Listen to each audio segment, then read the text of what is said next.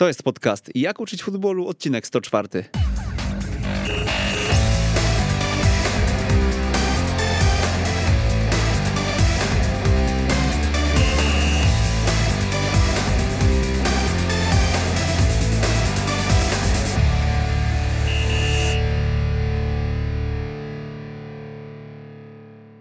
Jak uczyć futbolu, odcinek 104. Przy mikrofonie Przemysław Mamczak.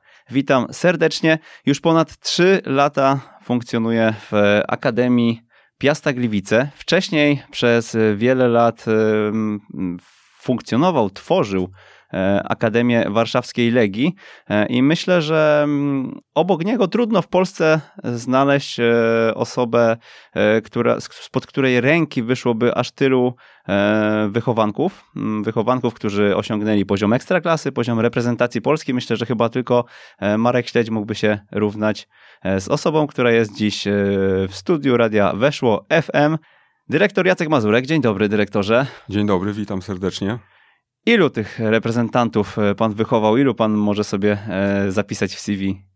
Reprezentantów e, może aż tak dużo nie, bo kilku jest i zależy jakiego poziomu, bo żeby reprezentacji A, no to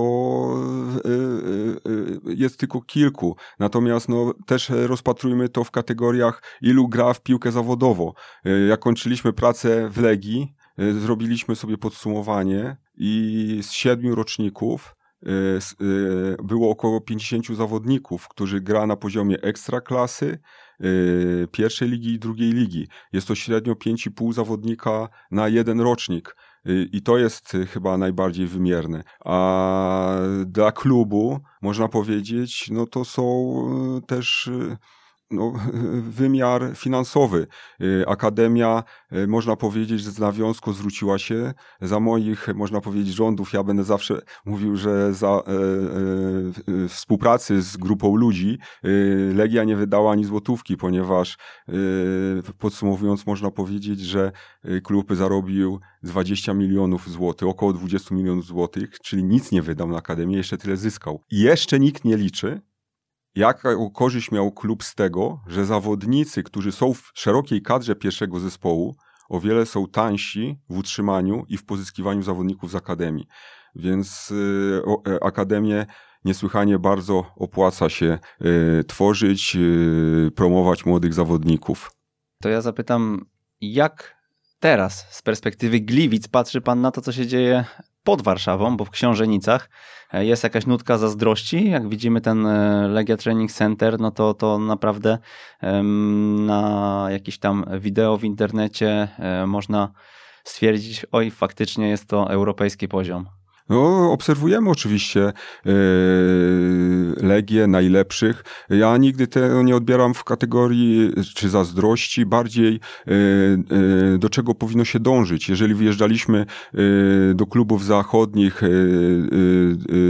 do krajów, gdzie piłka jest na najwyższym poziomie, Hiszpania, Portugalia, Niemcy, zawsze wracaliśmy z bagażem pomysłów, a najważniejsze to, że mieli, mogliśmy sobie sprecyzować, do czego powinniśmy dążyć. Nie tylko pod względem obiektów, ale pod względem szkolenia, y, różnych obszarów, których może wcześniej nawet nie znaliśmy. Więc tutaj y, ja bym to rozpatrywał, że na pewno y, Akademia, czyli ośrodek, jest jakimś wzorem, do którego powinny dążyć inne kluby. I Piast w przyszłości pewnie też będzie miał ośrodek, liczymy na to. Klub, miasto będzie inwestowało. Natomiast też wracając do Legii, jest to bardzo miłe, bo w, we wszystkich projektach, które powstawały, jak na początku Hutnik, Sulejówek, później Książenice, w, tym, w tych grupach roboczych byłem, więc no, czuję się też w jakimś stopniu, yy, jakimś delikatnym stopniu twórcą. Do Piasta jeszcze przejdziemy sobie i, myślę, że trochę bardziej szczegółowo się skupimy na tym, co się dzieje u was w Gliwicach, ale mm, czy dzisiaj jak pan patrzy mm, na te różnice, to są to zupełnie inne światy, możemy tak powiedzieć? Y, na pewno trzeba tak stwierdzić, ponieważ y, w poprzednim klubie doszliśmy do bardzo wysokiego poziomu i nieskromnie powiem, że byliśmy jedną z najlepszych akademii w Polsce. Pierwszymi zawodnikami, którzy zostali transferowani do klubów zachodnich, to właśnie Legia. Mimo, że kluby rywalizujące jak Lech Poznań, który funkcjonował dużo dłużej, jeszcze jako Amika Wronki, nie miała transferów na takim poziomie jak y, y, y, Borysiu, Krybus, Wolski, Furman. To są były pierwsze transfery. Oczywiście teraz Lech też dokonuje, dokonał dużych kroków, można powiedzieć. Piast na razie nie może w tym rywalizować, ponieważ no, dopiero jest to wszystko tworzone. Też trzeba zaznaczyć, że Akademia w Piaście funkcjonowała, natomiast no, ja odważnie będę mówił i w, w Gliwicach, i y, w klubie, w mieście, y, że to był bardziej klub sportu masowego. Natomiast, żeby osiągać takie poziomy, grać na poziomie mistrzowskim w Polsce, w Młodzieżowej Lidze Mistrzów, y, to co uczestniczyliśmy, graliśmy z najlepszymi w Europie, można powiedzieć na świecie, no to, to już jest najwyższa półka, można powiedzieć, że elita, nie tylko po, polskiej piłki. Lubi pan porządek? Ja sobie wspominam naszą wizytę w ramach Ligi od Kuźni. E, to już, już było prawie dwa lata temu i aż byłem w szoku przygotowując się do naszego spotkania, że to tak dawno, e, tak dawno się widzieliśmy w Gliwicach. Ale pamiętam, że zostałem tam coś, co mnie zaskoczyło od strony organizacyjnej. Zaskoczyło na plus, dodajmy. Bez porządku nie będzie żadnego sukcesu. Nawet jeżeli byśmy nie trafili z różnymi decyzjami y, strategicznymi, y, natomiast jeżeli będziemy mieli organizację, struktury, działania na odpowiednim y, poziomie i wytrwamy w tych działaniach przez wiele lat, na pewno będzie jakiś sukces, więc bez porządku nie ma szans o jakiekolwiek działania można powiedzieć, e, tak jak w jednej drużynie, czy to będzie drużyna seniorska, czy e, ktoś fajny zespół sobie zorganizuje młodzieżowy, jeżeli wszystko będzie pokładane, e, będzie na odpowiednim poziomie, zawsze dłuższej perspektywie będzie sukces. To jest na pewno jeden, jeden z podstaw takiego sukcesu. Kiedy będziemy mogli mówić o sukcesie w Piaście Gliwice, w Akademii Piasta Gliwice z Pana perspektywy? Pierwsze e, kroki, jeżeli będzie e, szli w takim kierunku jak obecnie, no to będą reprezentanci e, makroregionów, reprezentanci Polski, grup młodzieżowych. A oczywiście splendor jest wtedy, kiedy zawodnik gra w pierwszej drużynie i w warunkach polskich, w warunkach ekonomicznych klubów, można powiedzieć bloku wschodniego, jeżeli będą transferowani do klubów zachodnich. Mhm. Dzisiaj w Gliwicach, jak widzi pan, jaka jest rzeczywistość, to, to myśli pan, że kiedy to nastąpi? Nie chciałbym się opierać yy, na jakimś przypadku, bo nieraz będzie tak wyjątkowy zawodnik w klubie, że może to się ziścić nawet za 2-3 lata, albo pozyskać yy, zawodnika yy, w wieku 16-17 lat i po trzech latach będzie może tak wyjątkowy, że spełni te warunki, o których wcześniej mówiłem. Natomiast w szkoleniu no, trzeba zakładać minimum 7-8 lat. W Gliwicach jest pan od trzech lat. E, jeszcze może takie tytułem wprowadzenia na początku naszej rozmowy. E, ile lat był w Legii? Pan 17. 17 lat w Legii. Jako dyrektor Akademii Y, różne funkcje miałem. Y, ścieżka rozwoju, która nie była zaplanowana, y, można powiedzieć, mogę powiedzieć z dumą była idealna, ponieważ byłem trenerem rocznika 9.2 1992 roku. Byłem jednocześnie koordynatorem. Też pracowałem równolegle w Delcie Warszawa, prowadziłem drużynę seniorską. Później zostałem trenerem drugiej drużyny, Legii 2, a następnie zostałem dyrektorem Akademii Piłkarskiej. No i w ostatniej fazie, no w przedostatniej fazie zostałem dyrektorem sportowym całego klubu. Byłem przez 4 lata i ostatni rok byłem dyrektorem akademii, yy, znów dyrektorem akademii. Bardzo długa historia i dla Legia.net powiedział pan e, kiedyś, że nowa władza zawsze oznacza rewolucję. Jak to się miało później e, w Piaście Gliwice? Przychodzi pan w lipcu 2017 roku do Gliwic. No i już na wejście miał pan ze sobą e, całą ekipę zaufanych ludzi, można powiedzieć. Tak, to można powiedzieć, że jest niebywała wyjątkowość. Y, y, jestem, jesteśmy dumni, że udało się y, w kilka osób trafić do jednego klubu i swoje doświadczenia, swoją osobowością, swoją wiedzą przekonywać innych do takich działań, które my uważamy. Oczywiście tej rewolucji my nie zrobiliśmy w Piaście od razu. Pół roku się przygotowywaliśmy do oceny klubu, e, obserwowaliśmy działania, został stworzony taki skrypt, y, można powiedzieć bilans otwarcia, na jakim poziomie we wszystkich obszarach jest akademia. I po roku czasu dopiero dokonaliśmy y, y, gruntownych takich y, przeróbek w organizacji, w strukturze, wśród pracowników, można powiedzieć trenerów. Więc to pierwszy rok praktycznie było przygotowanie, ocena i pierwsza weryfikacja. Oczywiście przez rok to nie było tak, że tylko chodziliśmy i przyglądaliśmy się po boiskach i wszędzie jak to wygląda. Powoli jednak wdrażaliśmy te działania, bo musieliśmy być przekonani, czy osoby, które pracują w Piaście, będą chciały współpracować. I chciały? No, niestety można podzielić na kilka e, warstw, jakby e, taką mikrospołeczność e, pracowników. Na początku wszyscy chcieli. Oczywiście w praniu, jak już doszło do współpracy, niektórzy od razu nie zadeklarowali, że nie będą działali w taki sposób jak my, bo ponieważ są nauczeni innego stylu pracy, mieli jeszcze za czasów trenera Piechniczka różne yy, skrypty, które przekazywali, jak to właśnie powinno być funkcjonowane. Ciężko było podważyć oczywiście autorytet niektórych osób, ale z drugiej strony to były odmienne działania i po weryfikacji 13 y, osób odeszło z klubu, a bodajże 8 czy 9 zostało. Y, też y, chciałbym zaznaczyć, że niektórzy odeszli, ponieważ nie przyjęli warunków, jakie my zaproponowaliśmy po zmianach, yy, ponieważ yy, trenerzy, którzy pracują w Piaście, tylko i są na wyłączność klubu, pracują tylko i wyłącznie w klubie i w szkole, z którą współpracujemy. Niektórzy nie podjęli takiego ryzyka, woleli pracować gdzie indziej i również w innym klubie.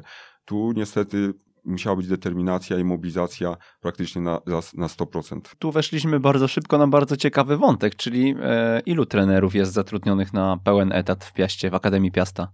No, jest y, około 20 trenerów, mhm. Y, bo oczywiście nie mówimy o trenerach tylko prowadzących, y, koordynatorach, asystentach i cały czas będę zaznaczał, że te funkcje się łączą z pracą w szkole, ale trenerzy, którzy pracują w szkole, tylko i wyłącznie pracują z naszymi grupami, nie pracują mhm. z inną młodzieżą, mają, można powiedzieć, tylko pracę w klubie. Uważa pan, że jesteście takim dobrym miejscem do rozwoju dla e, trenera piłki nożnej? Na Górnym Śląsku jest, jest mnóstwo trenerów, e, którzy pewnie szukają jakiegoś, jakiejś drogi, jakiegoś e, rozwoju. Czym by pan ich przekonał do tego, że warto dołączyć do tego pokładu, który płynie w kierunku w kierunku chyba czołowych akademii ekstraklasy, prawda? Chociaż tak jak mówiliśmy, jeszcze do tego portu dosyć daleko. Y, na początku praktycznie y, musiałem wrócić do genezy, ponieważ zanim podjęliśmy, czy podjąłem najpierw ja e, decyzję, że będę pracował w Piaście Gliwice, y, rozmowy trwały praktycznie blisko trzy miesiące. I w Warszawie, i w Gliwicach, i obserwowaliśmy miejsce, nawet bym powiedział i okolice, i stwierdziliśmy wspólnie, że jest to idealne miejsce na rozwój młodych zawodników. Po pierwsze, region Śląska Y, naprawdę y, gromadzi duży potencjał y, ludzki, nie tylko zawodniczy, ale i trenerski, ponieważ charaktery tej społeczności naprawdę mają dają dużą szansę być zawodnikami na dużym poziomie. Z drugiej strony miasto Gliwice jest jedno z najbardziej, można powiedzieć, dobrze sytuowanych, nie tylko miejscem, gdzie łatwo dojechać z różnych stron Polski, y, mimo że y, y, są, można powiedzieć, na dole, ale dojazd wcale nie jest taki trudny z każdego regionu. No i też trzeba zaznaczyć, że miasto, no, trzeba otwarcie powiedzieć, jedno z bogatszych w Polsce. Więc y, stwarzając lepsze warunki, to nie jest aż takie trudne i to było zapowiedziane. Y, miasto Gliwice się bardzo mocno rozwija, y, są potężne inwestycje, y, stać to miasto na te inwestycje. I y, nie tylko w regionie akademia może się liczyć, w Polsce, a nawet bym sięgał nawet i mając to doświadczenie i wiedzę, może się liczyć y, w Europie. Tu naprawdę jest duże pole manewru. Nieprzypadkowo Piast jest y, mistrzem Polski i nawet zajmuje trzecie miejsce. No dzisiaj jest troszeczkę gorzej na początku sezonu, ale to nie jest przypadek. E, jaka jest ścieżka rozwoju trenerów w takim razie u was, u was w klubie, u was w akademii? Jak to wygląda, żeby e, zrekrutować się do Akademii Piasta i, i co trzeba zrobić, żeby e, trafić na pana listę? No, pierwsza e, jakby taka kolejność to szukamy wśród e, trenerów, którzy są e, z Gliwic którzy są związani troszeczkę z klubem i są oczywiście takie postacie. Cały czas obserwujemy trenerów na meczach, na szkoleniach, na kursach. Mamy podpisaną umowę z AWF-em, gdzie też możemy zasięgnąć informacji o trenerach, którzy kończą kursy. Grzesiek Zydek, który pracuje w klubie, jest pracownikiem AWF-u, też może nam zasięgnąć różnych informacji odnośnie ciekawych postaci, które mogłyby pracować w klubie. No i ja uważam, że też to, co się już wydarzyło, przyjazdy do nas na y, staże, pokazywanie siebie y, na tych stażach, y, jak widzimy piłkę nożną, jak podchodzimy do tego zawodu, czym się interesujemy, no to też jest taka, taki obszar, który już rozwinęliśmy i prowadzi jeden z koordynatorów, Dawid Wiejowski, że wyłapuje takie osoby, które naprawdę nam się sprawdzają. Więc nie ma jednego sposobu. Też wydaje mi się, że niektórych przekonuje to do działania w Piaście, ponieważ mówimy otwarcie, że jesteśmy na takim etapie i głównym naszym celem jest, aby wyspecjalizować e, trenerów do odpowiednich etapów e, szkolenia. Nie chcemy e, pozyskiwać trenerów, zatrudniać trenerów, którzy chcą tylko się piąć w karierze jakby trenerskiej, że jak dzisiaj pracuję z U12, to za chwilę będę U15, jak będę z U15, to będę w drugiej drużynie. My chcemy mieć fachowców odnośnie poszczególnych etapów wiekowych i tu jest no, już dużo do analizy dla ludzi, którzy się do nas nawet sami zgłaszają. Mhm. Czyli rozumiem, że jesteście otwarci, e, gdyby któryś z naszych słuchaczy chciał dołączyć, wysyła CV do pana, czy do, do, do któregoś z koordynatorów? Yy, wszystko jedno, nawet może na y, główną stronę Piasta wysłać mhm. Y, takie zapotrzebowanie, wszystko to wszystko spływa w odpowiednie szufladki, najczęściej również do mnie i my wtedy ustawiamy, no muszę przyznać w kolejkę te osoby, to mhm. nie jest mhm. tak, że natychmiast może ktoś się znaleźć na stażu, natomiast na pewno nie pominiemy żadnej osoby. Mhm. No dobrze, a e, na co mogą liczyć e, trenerzy, jeżeli chodzi o finanse? Może tutaj się pan podzielić jakimiś widełkami mniej więcej? E, o jakich kwotach mówimy?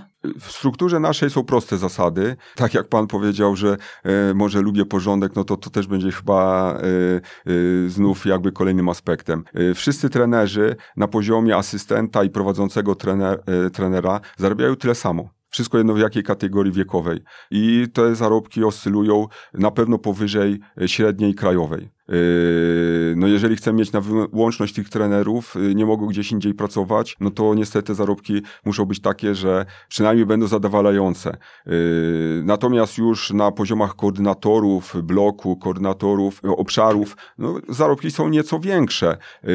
Natomiast no, w strukturze wszystko jest umieszczone i niestety u nas nie ma negocjacji. E, rozumiem, że do, do kwoty nie uzyskam. Tajemnica. No średnia krajowa e, na, dzień, na dzień dzisiejszy wychodzi około 1900 zł. 1000, e, przepraszam, 3800, 3900, więc to już jest na pewno więcej. Mhm. 3800 brutto jest, e, tak? Średnia nie. krajowa? Netto? Z o, tego, no to... co ja wiem, to tyle. Ja powiem szczerze, że, że, że średnio śledzę takie rzeczy, natomiast y, no, myślę, że tutaj może parę CV spłynąć do Gliwic w takim razie.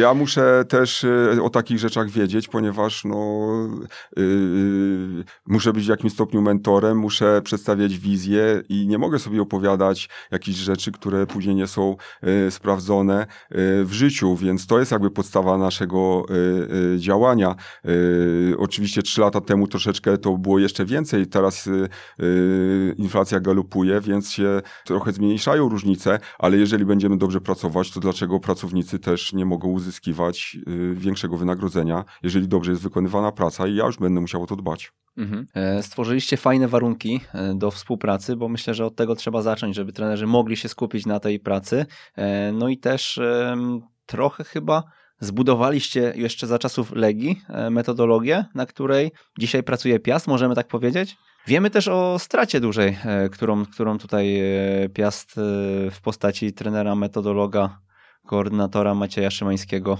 jakiś czas temu musiał się mm, zmierzyć, bo, bo, bo Maciek odszedł do Widzewa Łódź, tam jest dyrektorem. Był też u nas jakiś czas temu. E, natomiast no, pozostała część e, pańskiej drużyny została chyba, tak? No, może w innej kolejności odpowiem. Y, Maciej do nas trafił y, w Warszawie, dołączył do nas y, jako postać, która zakładaliśmy, że dużo wniesie do naszej akademii, na początku w młodszych rocznikach, ale też pamiętajmy, że zanim on trafił, no dużo już stworzyliśmy, dużo zwiedziliśmy, dużo wdrożyliśmy, nawet sprawdziliśmy. Maciej oczywiście dużo wniósł do naszych działań.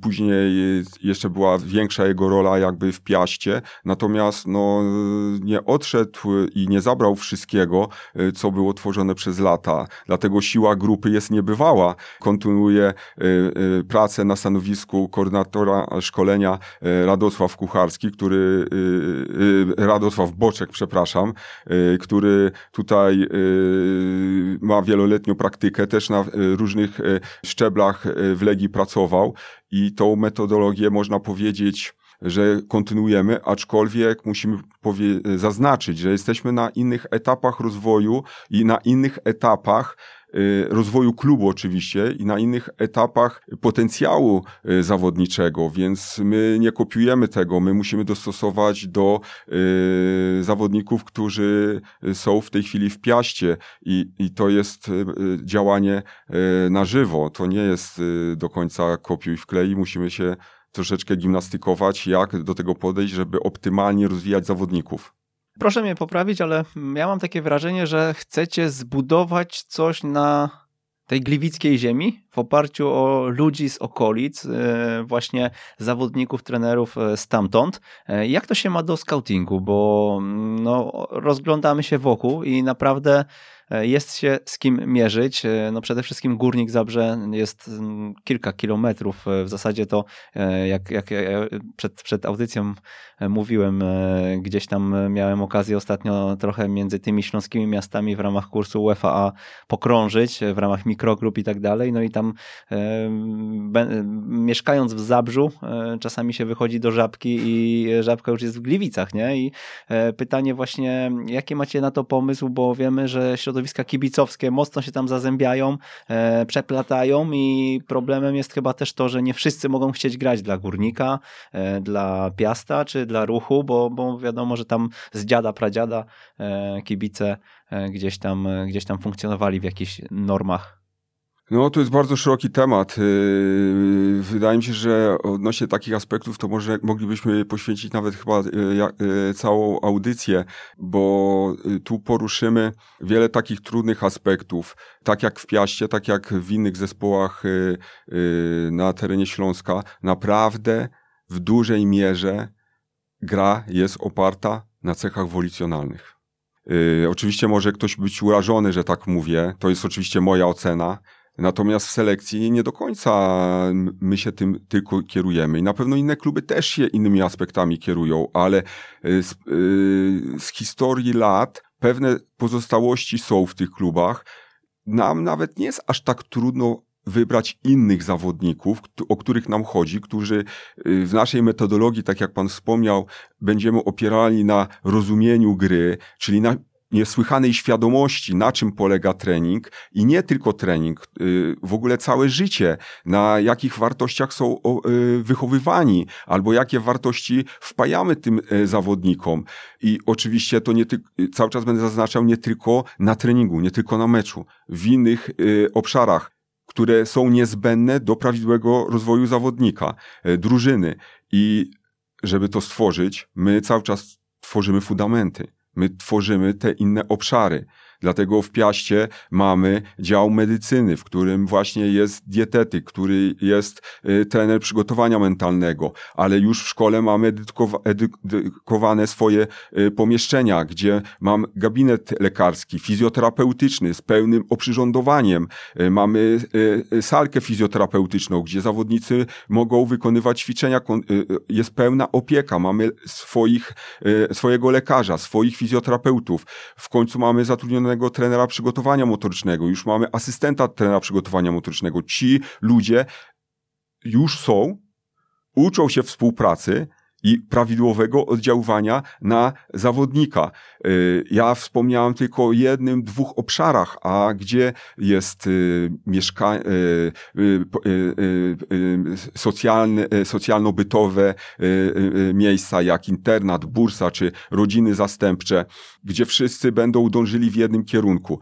Dlatego ja się cieszę, że już mamy dużo z tego fundamentu, natomiast jak to będzie już y, na, na wyższym poziomie, zawodnicy, o których y, chcemy pozyskać, rodzice, którzy są opiekunami tych zawodników, jeżeli będą widzieli, dostrzegali te obszary, oni będą trafiać do nas. Ja to będę mówił na podstawie Warszawy.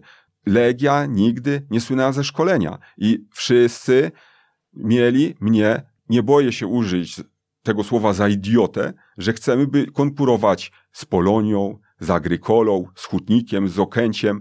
Legia nie miała szkolenia, tylko i wyłącznie pierwsza drużyna się liczyła, ale w ciągu kilkunastu lat zmieniliśmy, można powiedzieć, mapę piłki młodzieżowej w Warszawie. I to samo powtarzam całemu gronu, czy trenerskiemu, czy środowisku, że w, y, na Śląsku też tego dokonamy. Tylko oczywiście muszą wszyscy w to wierzyć i to jest do wykonania. Mhm. E, ja zmierzałem z tym pytaniem do tego, mm, na jakim poziomie obecnie rywalizujecie, bo wiadomo, że mm, no, najbardziej wymierne są te najstarsze roczniki, prawda? Drużyny U17, U15 czy U18 również. E, no i wiemy, że wy gracie w ligach śląskich. E, nie zawsze nawet w tych najwyższych, prawda? E, I teraz e, no, pytanie właśnie tych najbardziej utalentowanych zawodników z okolic, w jaki sposób przekonać do tego, że, że warto trenować u was. Na dzień dzisiejszy to chyba jeszcze nie jest ten moment. Jeszcze nie jest ten moment, ale kluby, rodzice, zawodnicy dostrzegają naszą pracę, ponieważ już się pojawiają takie nazwiska. W tej systemowej pracy zaczynamy funkcjonować już na najwyższych, liga, najwyższych ligach śląskich, czyli pierwsza liga, pierwsza liga U19, U17. Tylko też trzeba zaznaczyć, i ci którzy są świadomi procesu szkolenia, oni najbardziej to dostrzegają.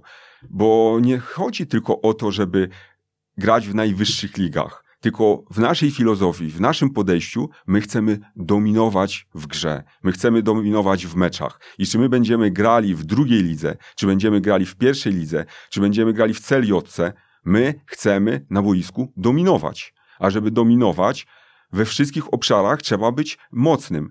I to już można powiedzieć, że dokonaliśmy, bo w większości rocznikach, jaka by nie była liga, my dominujemy. Oczywiście też cechy wolicjonalne są istotne, żeby zmagać się z tym, ale aspekty rozumienia gry, techniki, taktyki, realizacji zadań, nad którymi pracujemy, to jest klucz do tego. I y, społeczeństwo piłkarskie zaczyna to dostrzegać. Bo nawet jak gramy z mocnymi zespołami, już widzimy, że jak zaczynamy grać, oni się tylko bronią. Już nawet jako zadanie.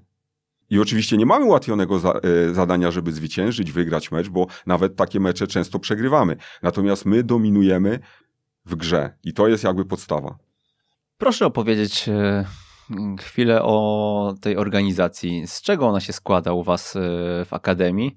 E, ja tak zacząłem, że, że był ład, było fajnie wszystko zorganizowane, ale jakbyśmy naszym słuchaczom mieli przedstawić, na czym to wszystko u Pana polega. Znaczy, jeżeli pan, no, nie będę opowiadał o strukturze, no bo struktura klubu, no to wydaje mi się, że jest bardzo prosta.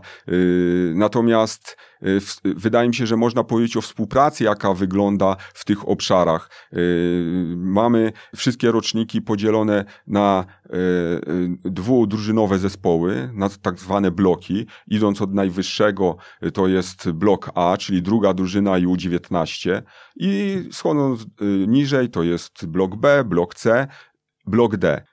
I oczywiście niższe roczniki, których nie posiadamy w dniu dzisiejszym, i na razie nie mamy zamiaru y, szkolić zawodników y, w tych y, rocznikach, czyli U11, U10, U9, U8, tylko dbamy o współpracę z klubami, mamy reprezentacje, w których y, przez te lata zapraszamy zawodników y, wyróżniających z klubów partnerskich, ze scoutingu na sesje treningowe, tak żeby się przygotować, że do, U, y, do, do, do U12 przyjdą E, zawodnicy z najwyższym potencjałem z Gliwic i okolic z regionu.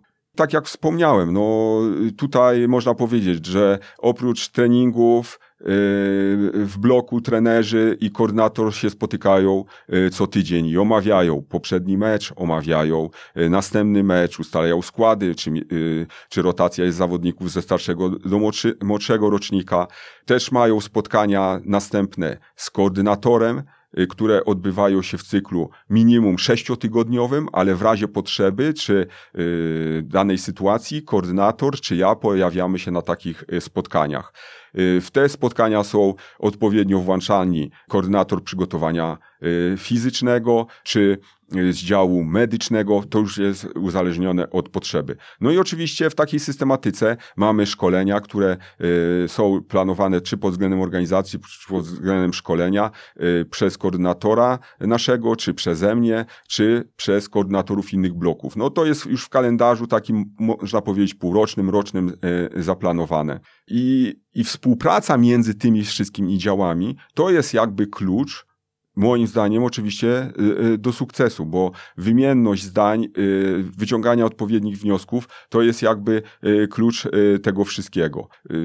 No, to jest takim telegraficznym skrócie, no przecież nie będę mówił jakie są plany treningowe, ile treningów jest w danych rocznikach, na co zwracamy uwagę, no to oczywiście w tych planach rocznych, półrocznych czy cyklach sześciotygodniowych to wszystko mamy usystematyzowane, na co zwracamy uwagę od szczegółu do ogółu, Natomiast to, co wcześniej powiedziałem, że plan jest taki, to nie znaczy, że on ma być zrealizowany, bo musimy dostosować do potencjału danej grupy, czy nawet danego zawodnika. Tak no, można powiedzieć w telegraficznym skrócie, moim zdaniem.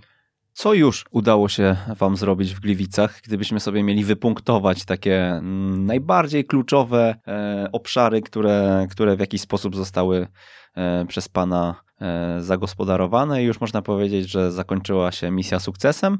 I jakie aktualnie stoją przed Panem wyzwania na najbliższe, nie wiem, pół roku? Tak, żeby wymienić y, takie nawet główne obszary, no to jest, na pewno jestem zadowolony i jakby nawet szukać zakończenia takiego procesu, no to oczywiście w strukturze to się dokonało. No to y, y, wszystkie klasy, wszystkie roczniki mamy w jednej szkole zgromadzone, czyli są klasy sportowe. W poprzednich latach to było tak, że w zależności czy trener miał uprawnienia, na przykład nauczyciela, to wtedy grupa funkcjonowała albo poza szkołą albo w szkole. Teraz już mamy wszystko w jednej szkole. Zmniejszyliśmy ilość uczniów, zawodników w klasie. Wcześniej było nawet wyżej 30 paru osób w drużynie, teraz już mamy w granicach 20-23 zawodników w danej drużynie. Pojęciu klas sportowych to jest y, naprawdę duży sukces. Długo nad tym trzeba było pracować, ale to zoptymalizowało jakby y, tworzenie y, klas, bloków i jednocześnie podejścia indywidualnego do zawodników. No, proces jakby tworzenia zaplecza został, można powiedzieć, w jakimś stopniu udoskonalony, ponieważ to, co wcześniej wymieniałem, mamy zaplecze medyczne, medycyny, czyli zatrudnieni są odpowiedni ludzie, się w tym obszarze. Wcześniej tego nie było, obecnie jest i cały czas będziemy to ewentualnie na dobrym poziomie rozwijali. No wszystkie, wszystkie sprawy metodologii szkolenia zostały wdrożone i ci trenerzy, którzy y, obecnie pracują, y, realizują tą metodologię. Te programy e, y, są pieczołowicie nadzorowane i skrzętnie pilnowane tak, żeby czegoś nie pominąć. Wydaje mi się, że bardzo dużym sukcesem, który on się, wydaje mi, nigdy, nie za, e, nigdy się nie zakończy, no to stworzenie reprezentacji, które w tych y, y, młodszych rocznikach do U11 już zostały stworzone y, takie podwaliny, gdzie przychodzą młodzi zawodnicy i naprawdę ich potencjał jest dużo wyższy, dużo większy.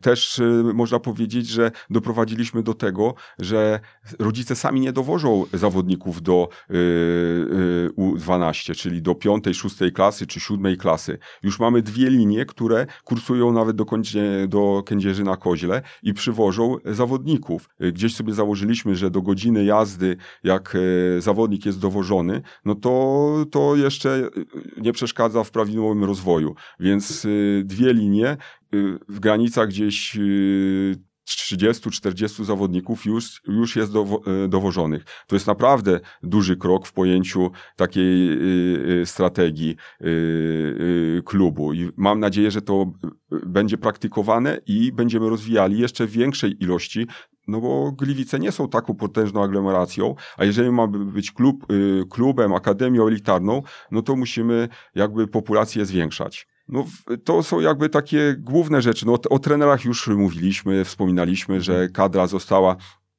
można powiedzieć, y, już dostosowana do y, naszych działań. Na pewno też trzeba zaznaczyć, że trenerzy, którzy u nas pracują, to w większości są trenerzy po Akademii Wychowania Fizycznego, z licencją UFAA, też już z jakąś praktyką, doświadczeniem. Można powiedzieć, że rozpoczęliśmy program również prowadzania byłych zawodników, którzy zakończyli albo kończą karierę i też będą w strukturach e, Piasta, tak jak Wojtek Kędziora, tak jak Tomasz Podgórski, tak jak Maciej Szmatiuk. Oni już e, niektórzy e, nawet dwa lata funkcjonują, niektórzy teraz dołączają.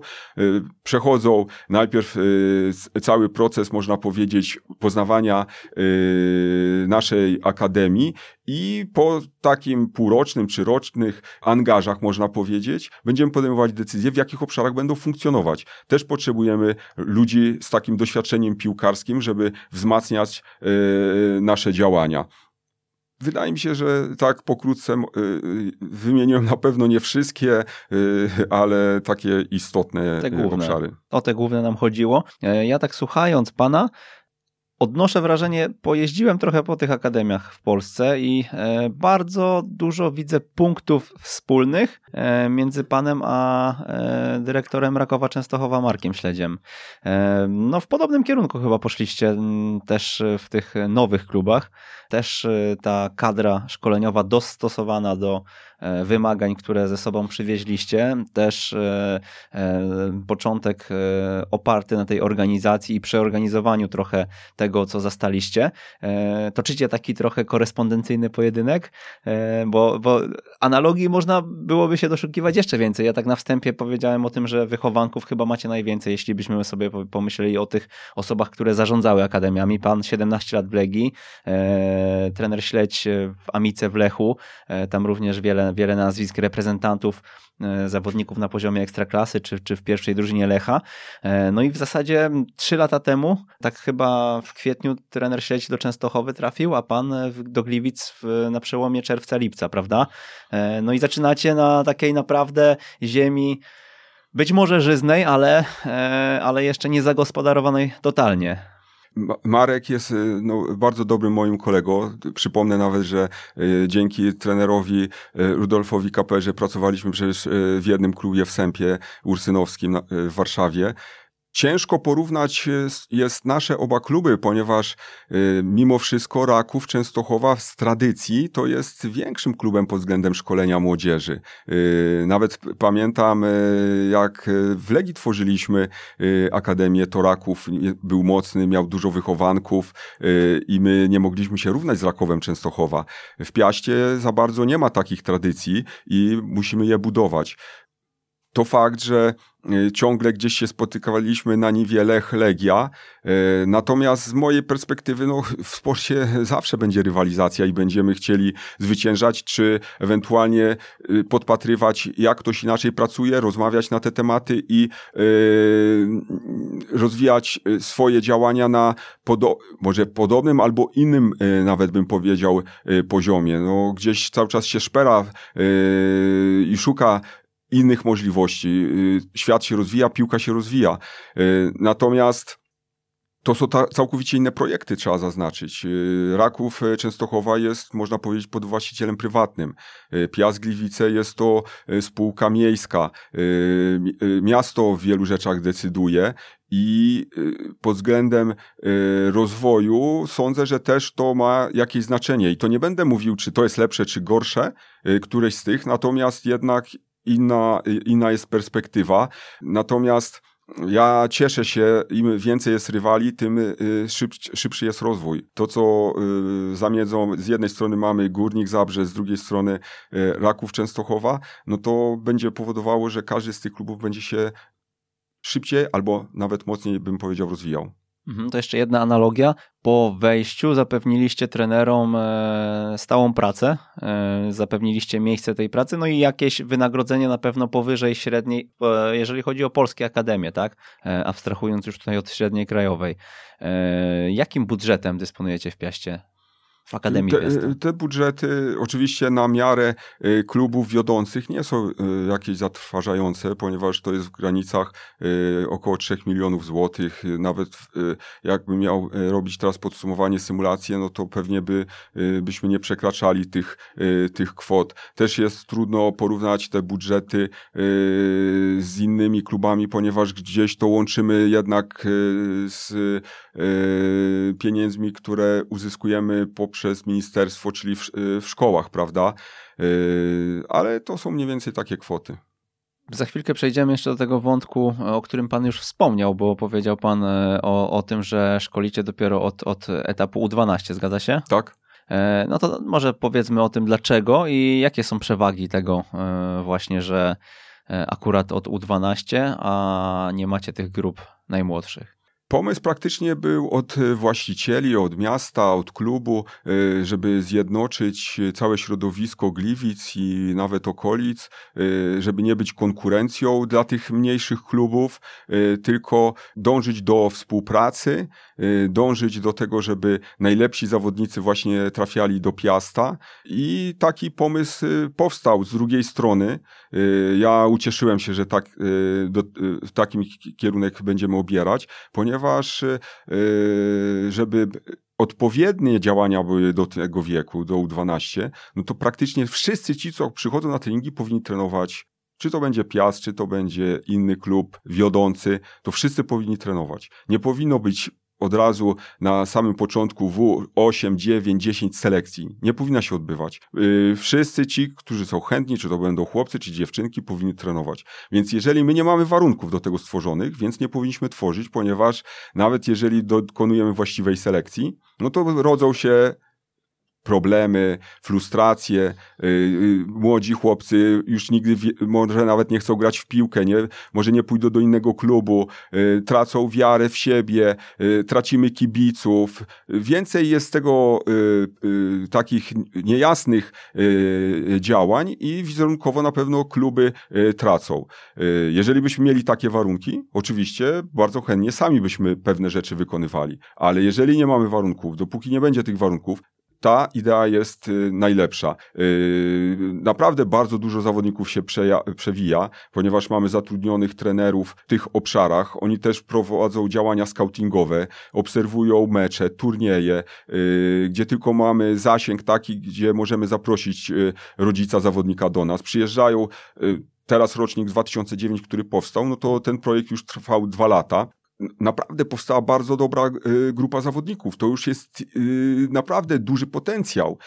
Niestety, też powiem, że w Polsce jest bardzo ciężko żeby doprowadzić do współpracy, czy to było w poprzednim klubie, czy yy, w Gliwicach. Każdy gdzieś jest przyzwyczajony do swojej pracy, że jest yy, najważniejszy. Nie ma idei, że yy, wyróżniający zawodnicy powinni iść do lepszego środowiska, że to będzie służyło ich rozwoju. Dbają bardziej o własny, można powiedzieć, brzydko mówiąc, interes, niż o dobro jakby zawodnika, czy całej, no, całego środowiska. No, jest to trudne. Ja z jednej strony rozumiem trenerów, czy działaczy tych klubów, ale to nie służy rozwoju zawodnika. Tak to pokrótce wygląda. Aczkolwiek myślę, że też zadaniem tych większych, tak jak was, prawda, mówimy tu o akademiach ekstraklasowych, jest też e, coś dać w zamian tym najmniejszym e, i w jakiś sposób stworzyć warunki do tego, żeby ta współpraca mogła przebiegać na zasadzie partnerstwa, prawda? No i tak to wygląda. Mamy podpisane mhm. umowy. Y, y, gdzieś mamy takie, można powiedzieć, obszary, w których wychodzimy do klubu. Zawodnicy, rodzice mogą przyjeżdżać na mecze pierwszej drużyny. Te bilety są albo darmowe, albo za dużo mniejszą kwotę. Organizujemy organizujemy warsztaty dla tych klubów, y, czy jeździmy do tych klubów prowadzić treningi, czy y, przyjeżdżają przez nas organizowane y, takie warsztaty, gdzie wyznaczamy kierunki, ale nie chcemy, żeby pracowali tak jak my, tylko ewentualnie wyciągali wnioski, co im tak również odpowiada. Są zapraszani na jeszcze pierwszej drużyny do wyprowadzania zawodników, czy jeszcze do innych takich działań związanych przy pierwszej drużynie, jak podawanie piłek. Też mogą w, w jakichś przypadkach też y, mieć udzielone porady lekarskie czy y, działania fizjoterapeutyczne y, tych zawodników, którzy mają jakieś większe problemy. Y, jest ka z każdym problemem mogą się do nas zwrócić, ewentualnie uzyskać jakieś wskazówki, do czego chcieliby dążyć. Więc ja uważam, y, że w pojęciu takiego podejścia, jak działać, te kluby korzystają i bardzo są chętne, ale ci ludzie, którzy odpowiadają, tak jak Espaniola, yy, yy, za, są świadomi, po co służą te kluby, żeby wyselekcjonować właśnie najmłodszych zawodników i żeby trafili na wyższy poziom, no to jest współpraca idealna i jesteśmy z tego zadowoleni. Ale niestety też musimy jeszcze na ten wizerunek pracować i sądzę, że dojdziemy do takiego poziomu. A dlaczego uważa pan, że na poziomie żaków czy orlików ta selekcja to jest jeszcze za szybko? No bo jest to bardzo, niestety, można powiedzieć, obarczona dużym ryzykiem. W wieku 8, 9, 10 lat, nawet 11, no, nie znamy młodego zawodnika i nie wiem, jak się będzie rozwijał. W pędzie dzisiejszego y, podejścia, szczególnie rodziców, gdzie y, y, mnóstwo wykonują treningów dodatkowych poza klubem, naprawdę trzeba mieć niebywałe doświadczenie, żeby stwierdzić, czy to jest potencjał zawodnika, czy wytrenowanie. Nie, to generalnie jest nierealne, żeby ocenić zawodnika zawodnika w tym wieku, ja się zgadzam. Tylko tak sobie myślę, że e, no, posiadanie takiej drużyny wiodącej jednej e, i kilku czy kilkunastu oddziałowych rozsianych po całym mieście, e, no to też pozwala na to, żebyśmy cię rotowali tymi zawodnikami, prawda? I, i ta, tą reprezentację, nazwijmy to Piasta, z całego miasta tworzą w danym sezonie czy w danym półroczu najlepsi z całego. Zga, zga, zgadzam się okolic. z tym, co pan powiedział, tylko w poprzedniej wypo, poprzednio e, powiedziałem, możemy tak robić, ale musimy mieć do tego warunki. My nie, ja nie podpiszę się pod e, działaniami, że w jednym miejscu będziemy mieli takie boisko, może nie będzie szatni albo nie będą odpowiednie standardy. My się podpisujemy pod jakością. Nasze działania Akademii e, Elitarnej, tak jak do tego dążymy, musi być oprócz tego, że opieramy pewne wartości, które klub nasz jakby propaguje, wyznaje, pewne standardy, które muszą być normą do działania, a następnie z tego płynie jakość działania. I znów, jeżeli tego nie zapewnimy, czy możemy to tworzyć? A z drugiej strony, tak jak wcześniej wspomniałem, jeżeli byśmy tak stworzyli, wszystkie kluby małe znikną ma z mapy y, piłki nożnej. Czyli to nie będzie też zdrowe. Może przesadziłem wszystkie, ale duże grono tych klubów niestety miałoby bardzo ciężko, bo ci zawodnicy najprawdopodobniej przeszliby do Piasta. Jakie są główne zasady i wartości, którymi się Pan kieruje w swojej pracy? i które też poniekąd są głównymi wartościami Akademii Piasta Gliwice, jak mnie mam. Znaczy, nad tymi wartościami dużo pracowaliśmy przez jakby cało, y, można powiedzieć, y, swoje życie. To wynosi się też z domu. Znów będę wspominał o Sępie Ursynowskim, który gdzieś już zaszczepił pewne działania i staramy się precyzować to w bardzo krótki, zwięzły sposób. To jest uczciwość, to jest szacunek, to jest pokonywanie barier i to musi być pasja. Jeżeli byśmy rozwinęli każdą z nich, to wszystko będzie się w tym precyzyjnie y, y, y, działało. To w dzisiejszym życiu jest bardzo trudne do zrealizowania. Chcesz coś osiągnąć, nawet w drużynie, ale wiesz, że indywidualnie musisz robić postęp, rozwój. Jak mieć szacunek do wszystkich? Gdzie jest jeszcze rodzic, gdzie jest menadżer, gdzie środowisko. Daję tylko przykład. Jeżeli będziesz nawet wszystkie miał y, wartości oprócz pasji, tylko będziesz wykonywał automatycznie, nie będziesz y, pragnął tego, nie będziesz y, poświęcał się temu, nie masz szans dojść na wyższy poziom. A nawet jeżeli będziesz miał pasję, a będziesz miał szacunek do wszystkich, a pierwszą przeszkodę znajdziesz przed sobą i nie będziesz umiał jej pokonać, albo nie będziesz dążył do pokonania, tylko będziesz szedł na skróty, będziesz y, y, szukał y, jakiejś pomocy y, nieuczciwej, nie osiągniesz w sporcie. Później wychodzisz na boisko, nie ma żadnej pomocy. Jesteś sam, jesteś tylko z drużyną. Żaden rodzic, żaden menadżer, nikt nie pomoże, żaden trener.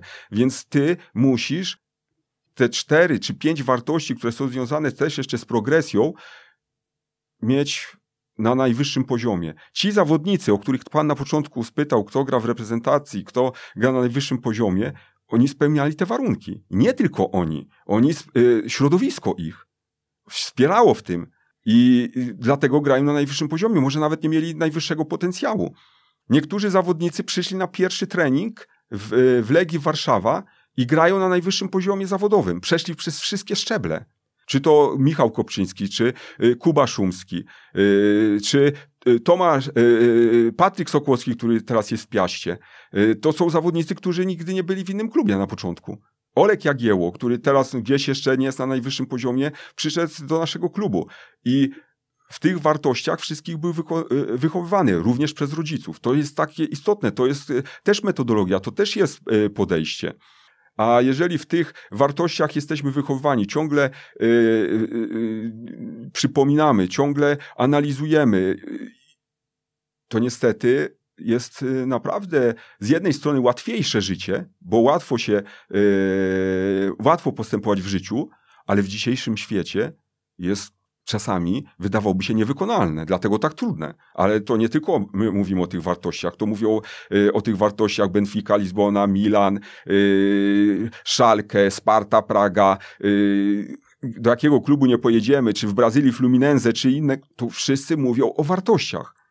A my niestety w swoim życiu o tym zapominamy i mamy duży potencjał zawodniczy, ale niestety nie dochodzimy do wysokiego poziomu, bo wartości nie szanujemy.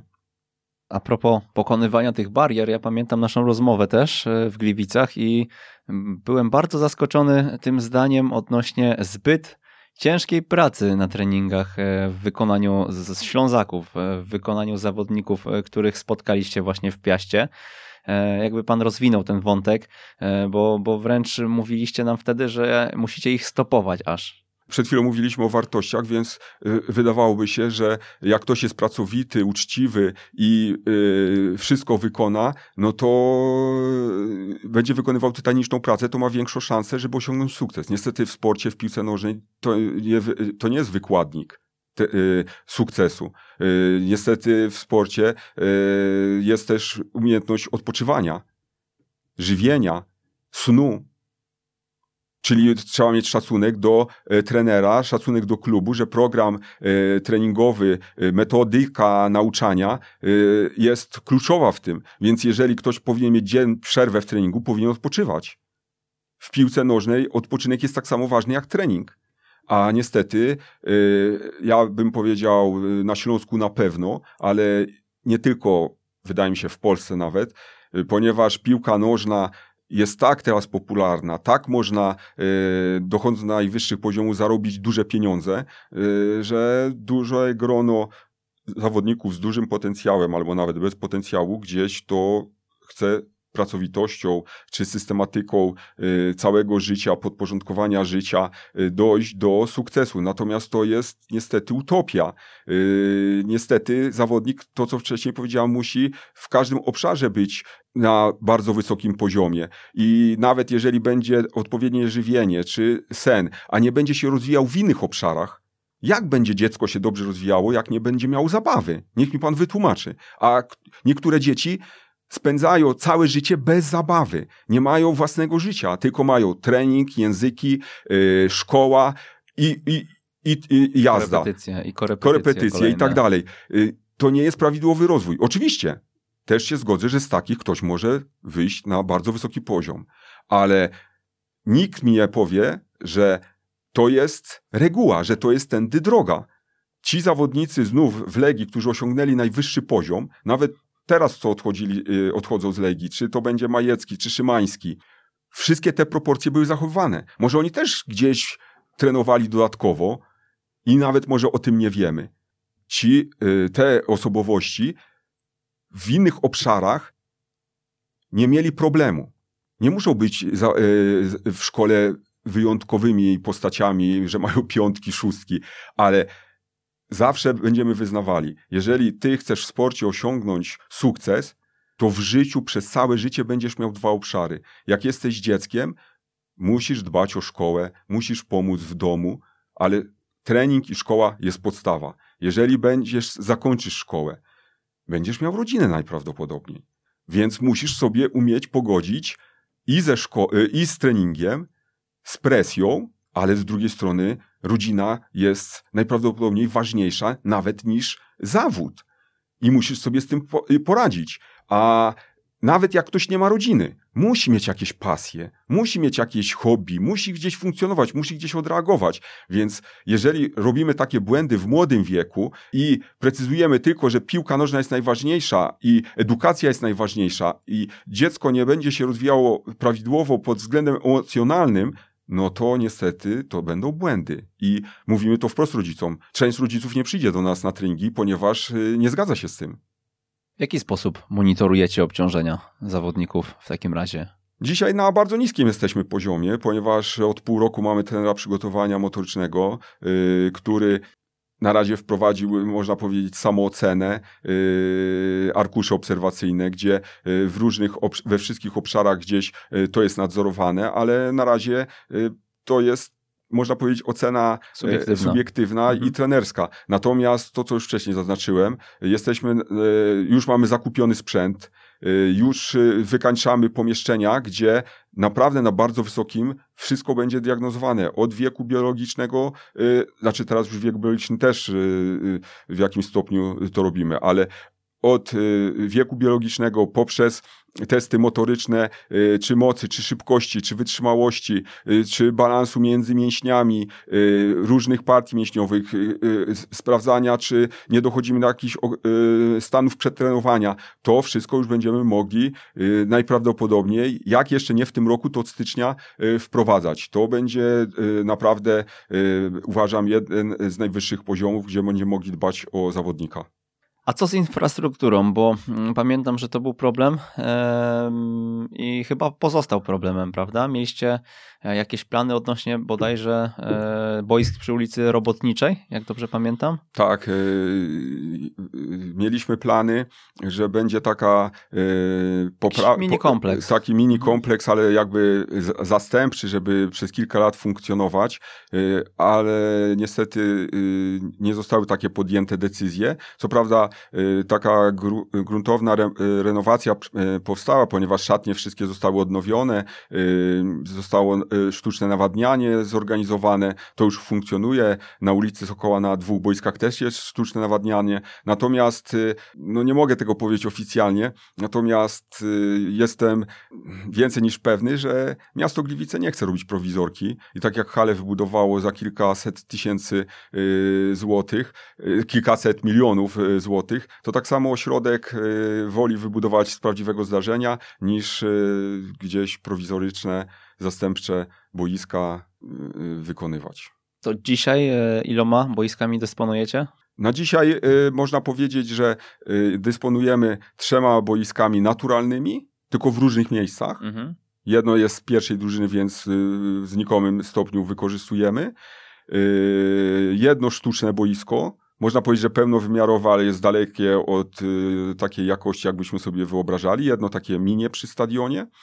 I w lecie nie jest to najgorszy potencjał, natomiast w zimie z, naturalnych boisk nie możemy korzystać i wynajmujemy boiska w okolicznych, można powiedzieć, miejscowościach jak e, załóżmy e, Knurów. Natomiast ja tylko bym chciał zaznaczyć przy tym, że taki kompleks można powiedzieć, że powoduje, że e, szkolenie może się odbywać, natomiast my bardzo dużo tracimy dojazdach, na przemieszczaniu się.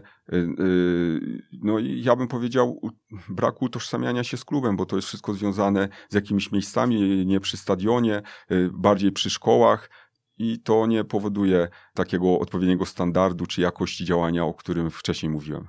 Jako, jakiej zmiany dokonałby Pan, gdyby Pan e, mógł w polskiej piłce, w polskim szkoleniu, żeby było, było nam lepiej, żebyśmy wychowywali lepszych zawodników? Trudne pytanie. Trudne pytanie. Z drugiej strony wiele rzeczy można y, gdzieś y, to usystematyzować w różnych obszarach. Y, może nie powinienem od tego zaczynać, ale ja uważam, że dużo by to pomogło, jeżeli szkolenia, które odbywają trenerzy, zorganizować dla właścicieli, prezesów, ludzi, którzy decydują o tym, jak wygląda infrastruktura z prawdziwego zdarzenia w klubie piłkarskim, jak powinien jeden, dwa wykłady, jak to powinno, jak powinno być, może nie zarządzana, tylko y, co powinno y, być, aby Akademia działała na wysokim poziomie. Wydaje mi się, że nie wszyscy o tym wiedzą i dobrze, jakby takie coś się wydarzyło, bo wszyscy trenerzy, wszyscy jeździmy gdzieś na szkolenia, na kursy, natomiast y, nie do końca chyba wszyscy idą w jednym kierunku. Natomiast ja bym wprowadził do licencji klubów na poziomie centralnym, czyli ekstraklasa pierwsza i druga liga, y, do licencji, jak powinna wyglądać minimum infrastruktura. Nikt nie powie, że tego nie można dokonać. Mamy boiska oświetlane, główne boiska, mamy podgrzewane. Wszyscy tak samo cały czas mówili, że to jest nie do wykonania, że nie mają pieniędzy. Każdy praktycznie ważny stadion ma te kryteria. Nawet jakby było trzy boiska, jedno sztuczne, Jedno dla pierwszej drużyny, jedno dla akademii, czy juniorów starszych, czy drugiej drużyny, sztuczne. Trzy boiska. Jakieś zaplecze socjalne. Proszę sobie wyobrazić, jak by się poprawiła jakość. Wszyscy by w jednym miejscu trenowali. Można by było y, nawiązać współpracę we wszystkich rocznikach. Nie, że każdy gdzieś oddzielnie musimy sztucznie spotykać się, rozmawiać. Wymie każdy by się utożsamiał z tym miejscem, z klubem. Inne by było podejście. Kolejny krok to niestety du dużo ludzi będzie przeciwko temu, będzie krytykowało mnie. Powinny być rozgrywki tak zorganizowane, że tylko elita gra między sobą. Też nigdy by mi nie przyszło to do głowy, jakbym nie zobaczył, że takie działania są we Włoszech. Na polską mentalność, nie wiem jak byśmy organizowali rozgrywki, zawsze będzie powodowało jakieś y, problemy. I oczywiście ja szanuję każdy najmniejszy klub, nawet jak gra w CLJC, bo są takie kluby, natomiast to nie są systemowe działania. A my powinniśmy doprowadzić do tego, że najlepsi zawodnicy dążą do tego, żeby być w najlepszych akademiach. Czyli jeżeli infrastruktura była na wysokim poziomie, działania by były na dużym poziomie i kluby między sobą te by grały, cała młodzież utalentowana trafiłaby do tych klubów. I to by tak podniosło jakość, że można by było powiedzieć w jakimś jednym pokoleniu takim treningowym 7-8 lat byśmy mieli dużo lepszych zawodników. No tylko jak oddzielić e, właśnie tą elitę od pozostałych? Ponieważ y, kto jest w ekstraklasie, y, mhm. kto jest w pierwszej lidze i w trzeciej lidze, y, tylko są rozgrywki między tymi klubami. Jasne, tylko musielibyśmy pójść krok wstecz, zrobić krok wstecz i wyznaczyć najpierw w tych podręcznikach licencyjnych tak. Takie standardy, które faktycznie tak. Mm, udowodniłyby, że te kluby są przed innymi, no bo Zgadza na dzień się. dzisiejszy no to jest wiele podmiotów w ekstraklasie. Nie mówię o pierwszej lidze, bo my też zjechaliśmy pierwszą ligę swego czasu czasu, no to tam to już jest e, wielokrotnie naprawdę e, no, daleko od e, jakichś tam norm, więc, więc jeżeli byśmy sobie to mieli poukładać i, i zestawić to, nie wiem, z takim Gwarkiem Zabrze, czy z Hutnikiem Kraków, czy z Eskolą Warszawia, no to to są takie miejsca, w których na pewno ta systemowość to i na wyższym poziomie i te akademie funkcjonują po prostu lepiej. No, ja się zgadzam z tym i e, e, chociaż jestem zdecydowany, że e, jakby to był taki projekt ogólnopolski w organizacji i e, licencji i e, systemu rozgrywek, to by niebywale podniósł poziom. I no tak, ale zacząć byśmy musieli od tego, co pan tak. powiedział na wstępie, czyli tej minima, nie tylko infrastrukturalne. Ja kiedyś pisałem felieton o tym, że nawet bym poszedł za ciosem i wyznaczył minimalne pensje dla trenerów, ilość zatrudnionych osób i tak dalej i tak dalej, żeby, e, żeby te akademie faktycznie miały jakieś kształty i struktury e, z góry narzucone, żeby te minima były spełniane w całej ekstraklasie. No niestety takie y, działania powodowałyby, y, że y, najlepsi pracownicy, trenerzy, koordynatorzy, dyrektorzy, fizjoterapeuci też w tych organizacjach by pracowały. Więc to by była elita. My powinniśmy dążyć do tego, że jesteśmy klubem elitarnym. A klub elitarny co powinno wyróżniać? Że wszyscy dążą do tego, żeby być w tym miejscu. Ale to miejsce musi się kojarzyć z sukcesem. Mhm. Ale znów, y, jeżeli się kojarzy z sukcesem, my musimy mieć wyznaczone konkretne zadania. I to musi być elita, bo nie wszyscy spełnią te zadania. Więc y, my musimy być uczelnią, w cudzysłowie, o najwyższej jakości. Czyli kto kończyłby taką uczelnię, najprawdopodobniej byłby zawodowym piłkarzem. Tak jak w dobrych uczelniach, najprawdopodobniej menadżerowie czy jakiś zawód ktoś y, później y, zdobywa po jakiejś y, wyższej uczelni, czy to będzie zagraniczne, najprawdopodobniej jest dobrym menadżerem czy dobrym pracownikiem w danym obszarze.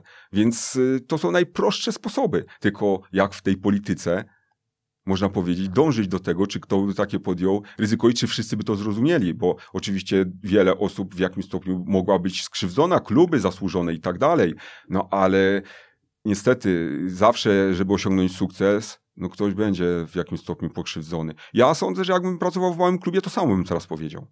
Mhm. Nie zmieniłoby mojego podejścia. Same budżety e, Akademii na dzień dzisiejszy są, e, no są bardzo niskie w porównaniu z Europą, no bo tak jak mówimy u was e, o 3 milionach, no to jesteście jednak w czołówce, prawda, krajowej, a, a no to nie jest kwota, która zwalałaby z nóg, bo przecież jeżeli pomyślimy sobie o zawodniku sprzedanym za milion euro, no to to już mamy e, budżet na prawie półtora roku w Piaście, a przecież e, w dobrze funkcjonującym systemie no, taki zawodnik będzie co chwilę się pojawiał.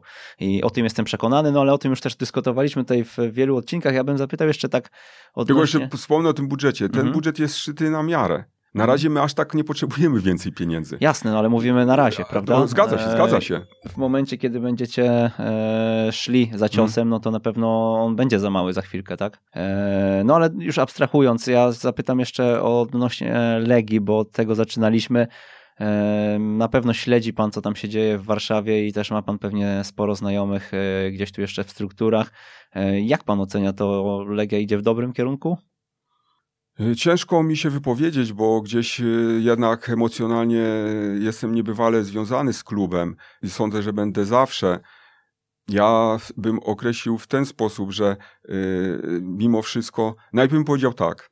Legia tyle mi dała, jako osobie, jako pracownikowi, że ciężko cokolwiek powiedzieć, czy pozytywnego, czy negatywnego, bo różnie to może być odebrane. I y, życzyłbym, żeby każdy mógł coś takiego przeżyć.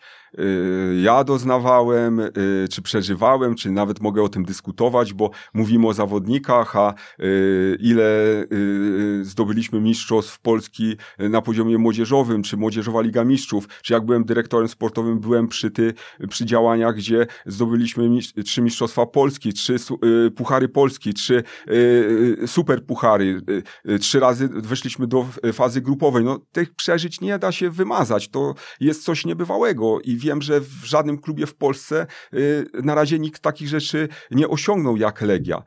Natomiast, żeby też być świadectwem takim, że obserwuję Legię, no to przecież wiadomo, y, że trzymam kciuki, żeby mogła awansować do jakiejś kolejnej rundy, czy y, ewentualnie jak ma być powyżej Piasta, to niech będzie mistrzem Polski.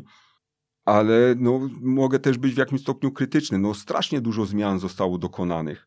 I te zmiany y, powodują, że nie widać jakby takiej drogi, która by otwierała rozwój dla klubu. Y, no ponieważ przez kilka lat nie bierze udziału w, w, rozgrywkach europejskich, y, gdzieś jest dużo dokonywanych z, zmian na stanowiskach trenerskich czy dyrektorskich. Ciężko nawet wywnioskować, czy to jest jakiś dobry kierunek. No przepraszam, no tak dzisiaj trzeba powiedzieć, na pewno ludzie, którzy decydują, gdzieś mają określony cel i y, zamierzenia. Natomiast y, no, z boku ciężko y, y, powiedzieć, czy to jest dobry, czy zły kierunek. Ja wierzę, że to Legia idzie w dobrym kierunku, natomiast przyszłość y, pokaże. Jak wygląda dzień pracy Jacka Mazurka? Ile poświęca pan w pracy w tygodniu? No to, y, muszę powiedzieć, że tak jak wspomniałem o zawodnikach, żeby mieli dzieciństwo, żeby też y, y mieli y, czas y, dla kolegów, rodziców, no to może nie jestem dobrym przykładem, chociaż chciałbym zawsze we wszystkich obszarach y, być pozytywną postacią. ja praktycznie można powiedzieć, że albo od 8, albo od 9 rano jestem w klubie i większość czasu no, ja poświęcam na wyznaczanie kierunków, y, strategii działania, y, rozmów y, we wszystkich obszarach z koordynatorami, również z trenerami, z klubami współpracującymi, z, z, z wszystkimi jednostkami, które z nami współpracują i praktycznie moje działania to polegają na rozmowach. No jeżeli jesteśmy w sporcie, to musimy znaleźć czas na e, obiad. E, najczęściej jest przywożony do klubu i, i, i znów te działania się odbywają. A wieczorem, no to gdzieś trzeba wyciągnąć wnioski, trzeba pewne rzeczy przeanalizować, zaplanować kolejne dni. Dużo się odbywa z dniem, y, z kalendarzem takim rocznym, co kiedy powinno się odbywać, no bo inne są okresy, y, kiedy jest okno transferowe, y, inne są okresy, kiedy są wakacje, kiedy jest okres rozgrywkowy. No, oprócz obserwacji y, treningów również, czy obserwacji meczów, no to praktycznie też trzeba obserwować przeciwników. Nie mówię konkretnych drużyn, tylko y, drużyn, które y, funkcjonują w innych klubach, tak żeby widzieć jakieś ewentualnie porównania o tym, co mówił Pan w porównaniu z Rakowem Częstochowa, no jest takie poczucie, muszę powiedzieć, nie chcę gdzieś tu y, ludzi zniechęcać do pracy, ale w akademii praktycznie co byś nie zrobił, to i tak ci zabraknie czasu. I ta organizacja dnia jest bardzo istotna, ale poczucie, że skończył się dzień i wszystko jest zrobione, to praktycznie w mojej osobie nie ma. Słucha nas wielu trenerów, głównie słuchają nas trenerzy piłki nożnej. E, pan zatrudnia trenerów, e, w jakiś sposób jest dla nich mentorem, w jakiś sposób e, pomaga w ich rozwoju. Co by pan poradził naszym słuchaczom? W myśl tego, co Pan powiedział, chciałbym zaznaczyć, że praca w klubie, jeżeli jest wieloletnia, to nie wychowujemy tylko zawodników, ale i pracowników, trenerów, fizjoterapeutów. E, ja w pewnym momencie sobie e, zrobiłem analizę, ile ludzi przewijało się w ostatnich latach w Legii, kiedy ja pracowałem i ile pracuje zawodowo w różnych obszarach sportu. Jest to około 30 osób. I, na, i ja mówię zawodowo nie tylko trenerzy, nie tylko Darek Banasi, Krzysztof Dębek, czy my, którzy jesteśmy w Piaście, czy e, Radek Kucharski, który jest e, dyrektorem e, w Legii, czy sztab szkoleniowy w Legii, to jest chyba blisko 10 osób, które przewinęło się przez Akademię. Ja mam takie poczucie misji, że jak stykam się i współpracuję z osobami, które chcą coś osiągnąć w sporcie, że mam, mam duży wpływ na to ja cały czas będę twierdził, że Rudolf Kapera y, mnie ukształtował y, jako trenera, jako osobę decydującą o losach zawodnika, czy nawet można później się mówić y, trenera. Więc moje takie wskazówki to powinny być, że jeżeli ktoś planuje bardziej będę mówił do młodych ludzi, a może nawet jak już ktoś ileś lat jest trenerem, czy chce związać się z piłką nożną, no to powinien dać szansę sobie poznać siebie w czym on może być dobry.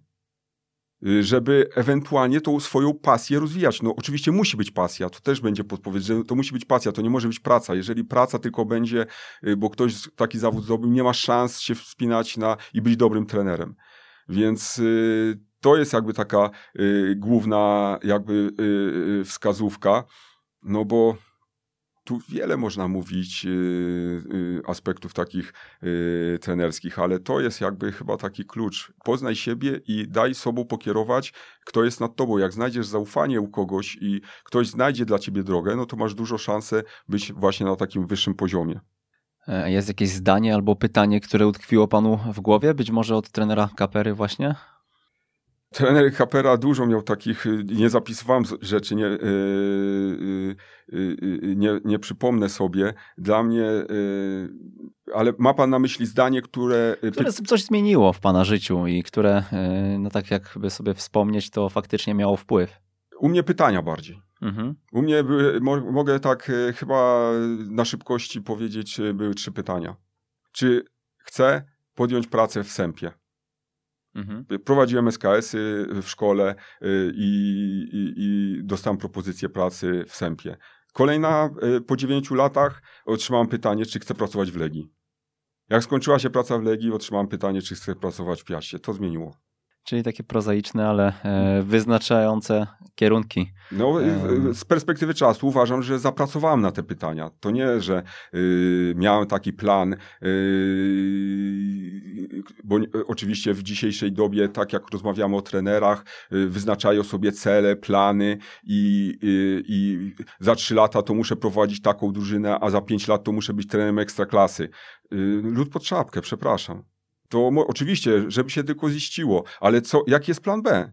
A jak nie będzie, no to wtedy no, ludzie są rozczarowani, ponieważ nie mogą zrealizować tych celów, raczej są mało realne, niedostosowane do warunków, nawet do swoich predyspozycji.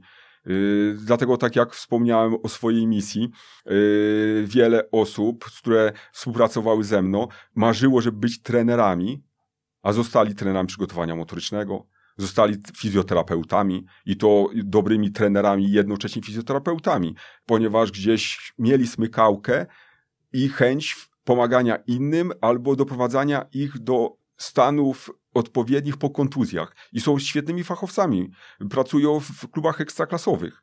Więc y, tu to, co powiedziałem, takie szukanie swoich predyspozycji, swojego potencjału nie zawsze jest zawsze zgodne z tym, co na początku sobie wyobrażamy. Tak samo jest z zawodnikami.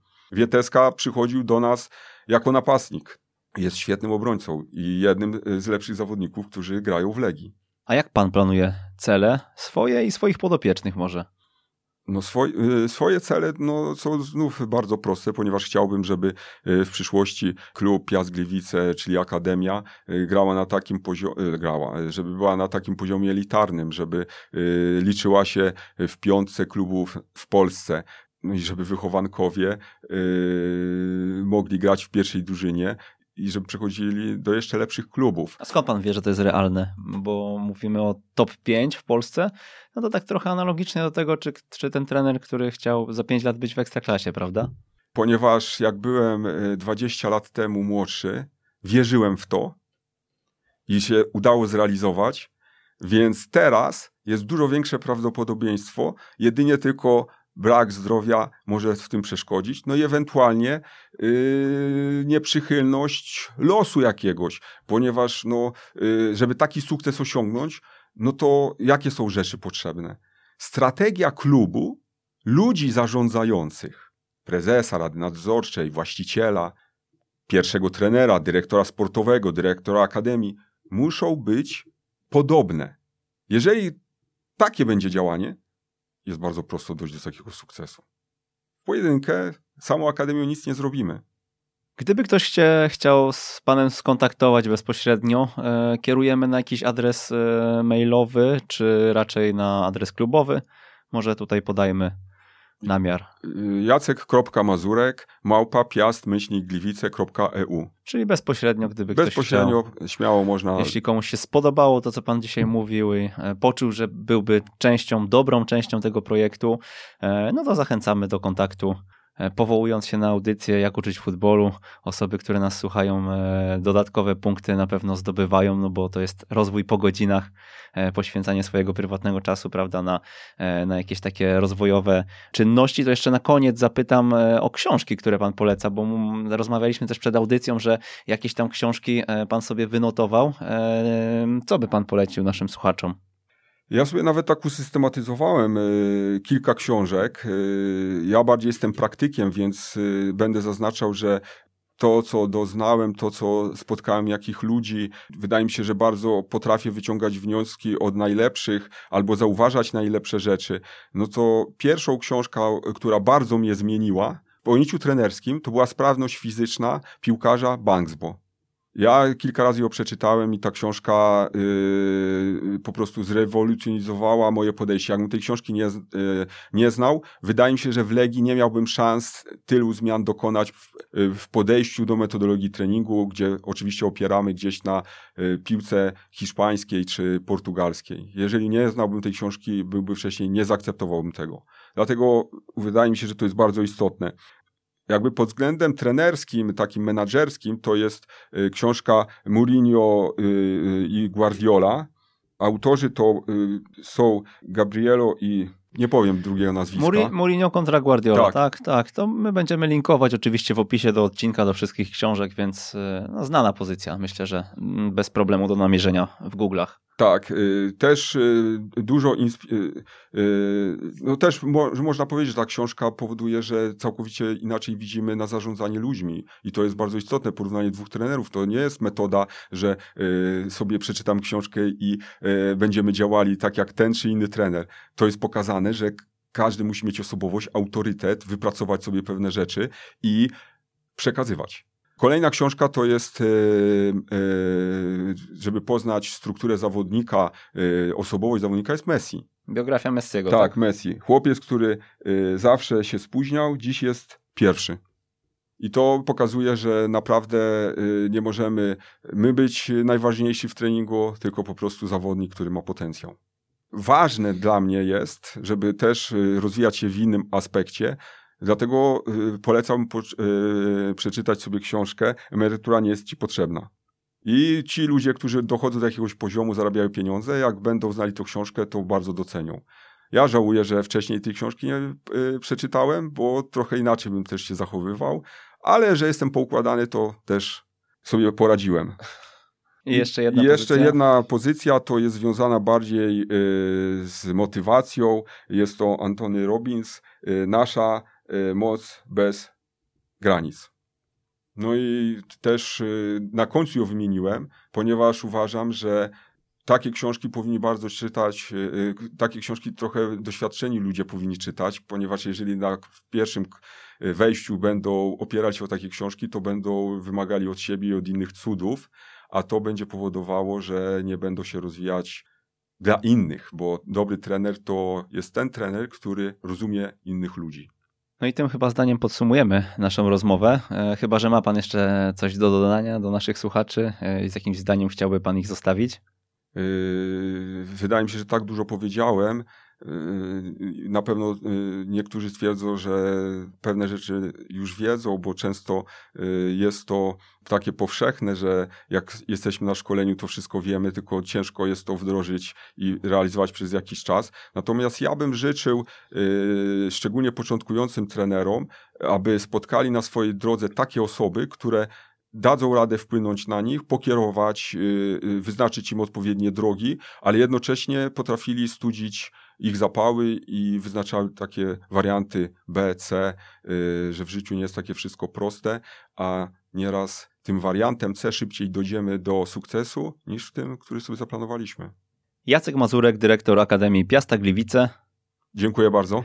My również dziękujemy bardzo. E, miło było sobie odświeżyć e, to właśnie, co się dzieje w Gliwicach. E, już, już umawialiśmy się trochę czasu, ale też remonty dróg nie pomagały nami, stety, niestety, ale ten, ta, ta odległość między Warszawą a Gliwicami jednak jest jest jakaś, jest spora. E, cieszymy się, że możemy pokazać e, chyba Piasta trochę szerszemu gronu odbiorców, bo ja mam wrażenie, że tak jesteście trochę w tle. Pewnie przez to, że póki co nie macie drużyn w CLJ-kach, bo to jest jednak znaczący odnośnik szkolenia. No tutaj dzisiaj dowiedzieliśmy się E, też dlaczego może, mm, w jakim kierunku idziecie, jak to budujecie? I e, jak to sobie tam e, poukładaliście, więc, więc myślę, że wiele osób może być zaskoczonych, że takie rzeczy się w Gliwicach dzieją, no i liczymy, że ta, ta wytrwałość przede wszystkim będzie w tym mieście. No i, za, za kolejne trzy lata może spotkamy się i będziemy mogli podsumowywać kolejny okres Pana pracy i to już będzie zdecydowanie półka wyżej niż dziś będziemy działali. Dziękuję za wsparcie. Ja również dziękuję i e, no i do usłyszenia. To był 104 odcinek podcastu Jak uczyć futbolu. Przemysław Mamczak. Słyszymy się za tydzień o tej samej porze. Do usłyszenia.